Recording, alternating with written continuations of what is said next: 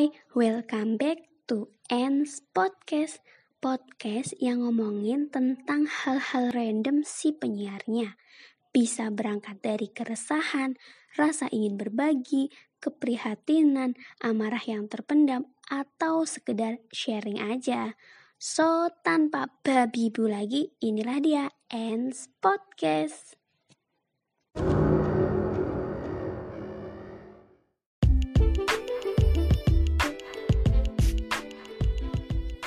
buku pertama dari series Buka Jendela. And the title is No Marriage is Perfect. Opening notes. Cinta itu buta sampai punya mertua. Ya, sebuah ungkapan yang cukup realistis dan banyak orang mengalaminya setelah menikah. Sebelum menikah, orang yang jatuh cinta memulai fase kegoblokan di dalam dirinya.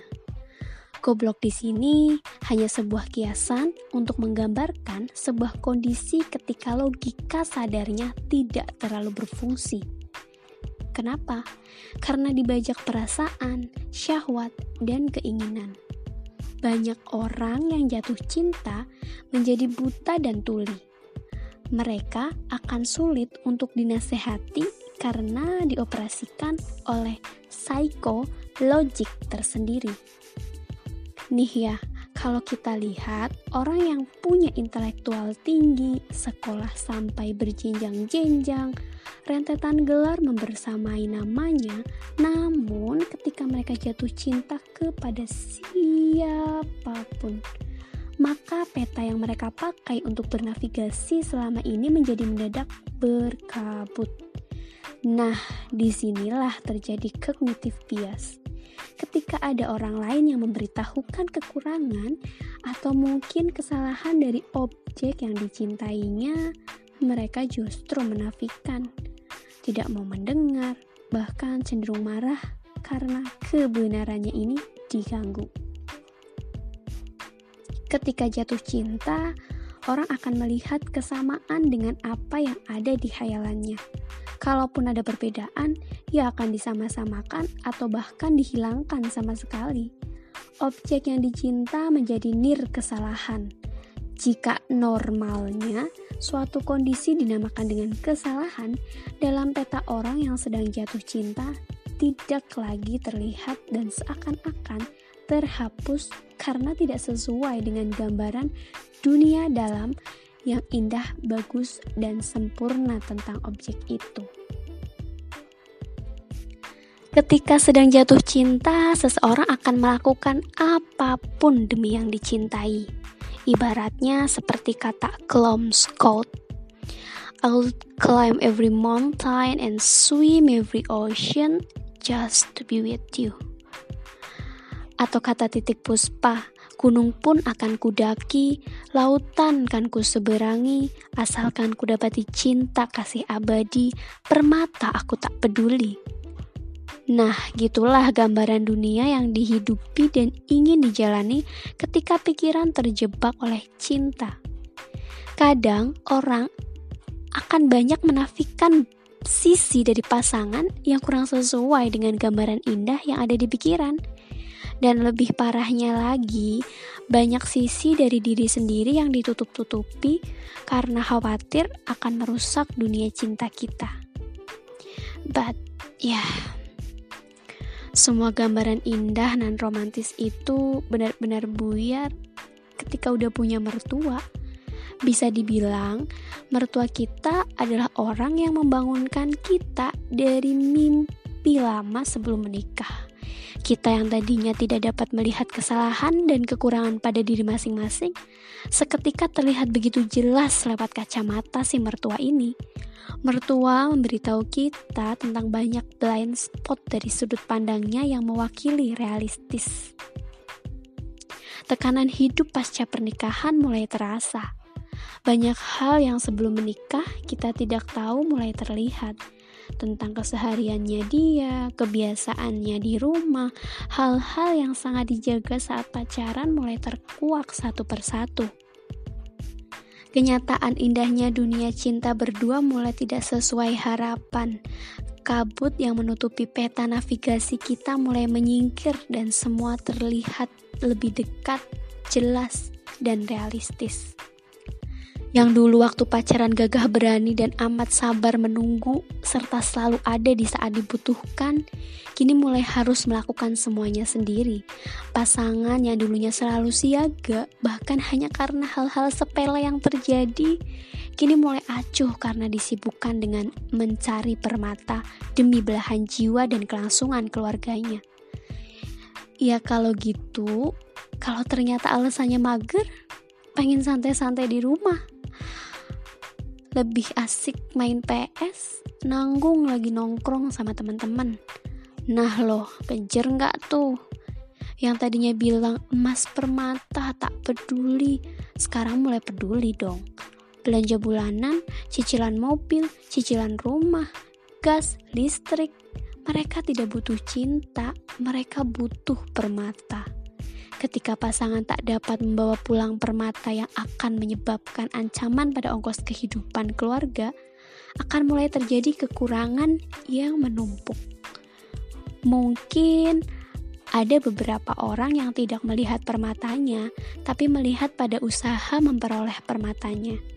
Namun, tak sedikit juga yang menilai tidak berusaha sebagaimana yang diharapkan, hingga menjadi kekecewaan atau bahkan kemarahan yang terus membesar. Sebagian orang kemudian membangun peta berkabut baru untuk menjelajahi dunia rumah tangga. Namun, ada juga yang tetap memakai peta berkabut saat pacaran, but kondisinya udah nggak relevan. Masing-masing pihak kemudian membangun aturan tentang dunia pernikahan dan rumah tangganya emosi yang terakumulasi akibat kekecewaan, kesedihan, kejengkelan, kemarahan atas ketidaksesuaian antara kenyataan dan harapan. Belum lagi ditambah dengan inkompetensi dalam mengelola emosi dan berkomunikasi, membuat hilang selera untuk berkomunikasi secara jelas, lengkap, dan mendalam satu sama lain. Kemudian, apa yang terjadi? Mereka saling diam, berharap pasangannya mengerti dengan sendirinya. But, ketika itu semua tidak pernah terjadi, meledaklah.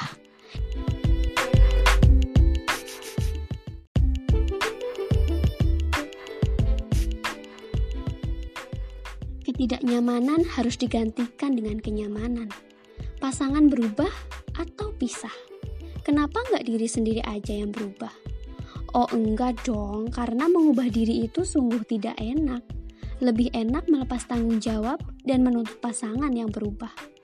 Next stepnya permainan jadi win-loss game, bahkan loss-loss game.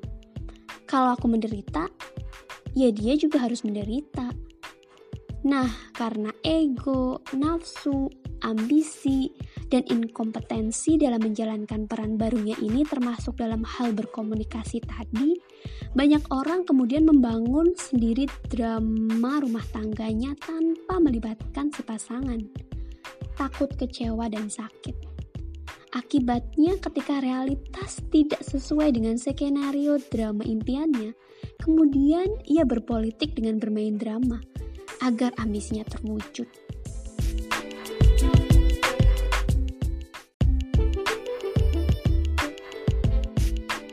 Hidup menjadi semakin melelahkan, penuh kepura-puraan, tidak genuin, tidak merasakan kenyamanan, sehingga tergoda mencari kenyamanan di luar. Nah, gitu gambaran kondisi ketika dari awal hubungan sudah menempatkan diri di posisi korban.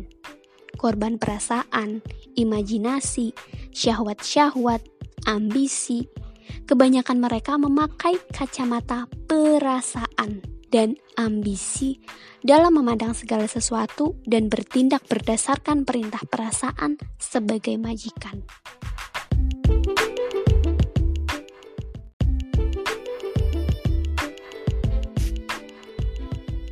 Beda cerita ketika kita menempatkan posisi sebagai pelaku.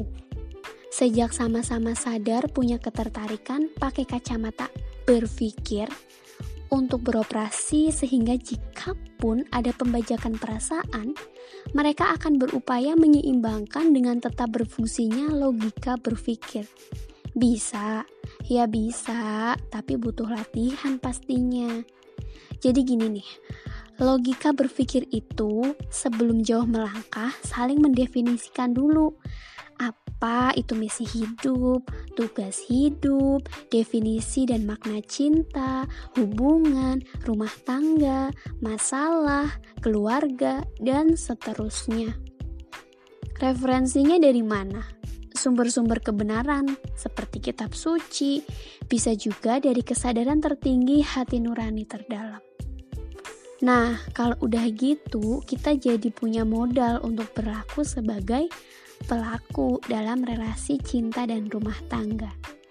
Nah, itulah sebab diskusi yang mendalam tentang makna keyakinan, nilai-nilai, pelajaran dari pengalaman traumatik, harapan visi, aturan atau cara menyelesaikan masalah, makna-makna dalam memandang sesuatu, menjadi hal yang penting pada masa pacaran atau ta'aruf.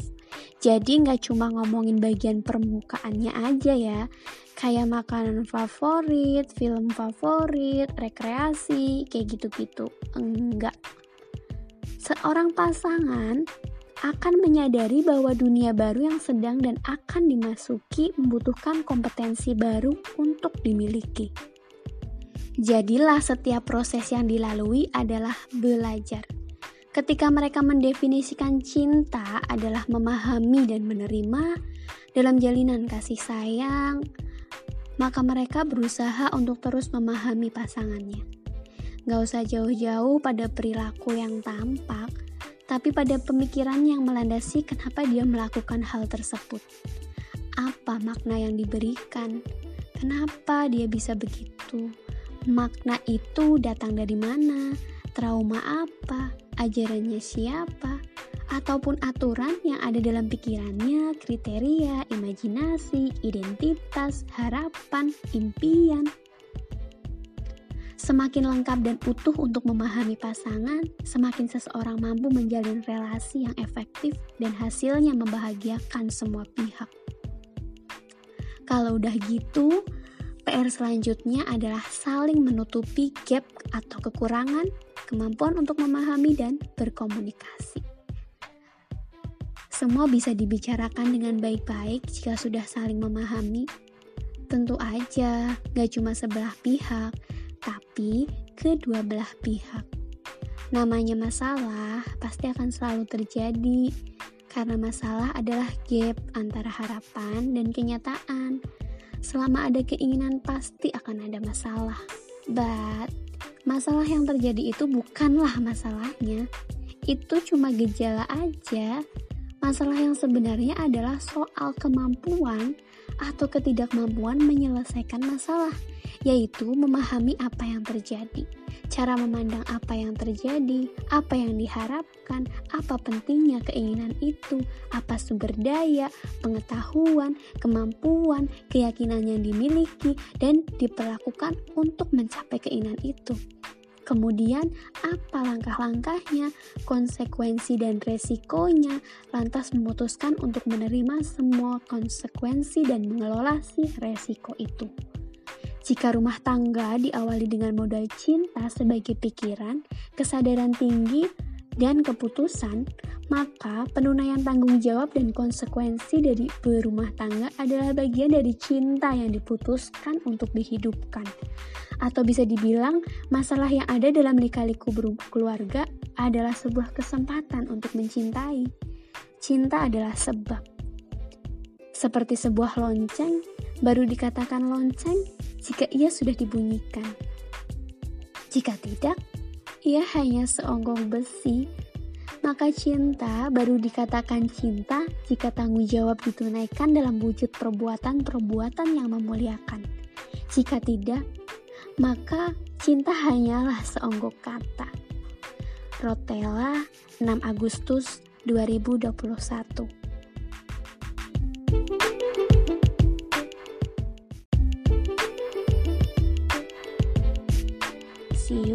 thank you for listening. Bye.